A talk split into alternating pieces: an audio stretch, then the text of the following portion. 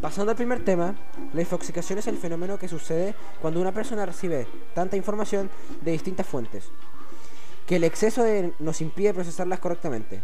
Además, ahora que tenemos las redes sociales, la información va demasiado rápido, tan rápido que nos infoxicamos. Y eso hace que no entendamos bien la información que se nos ofrece.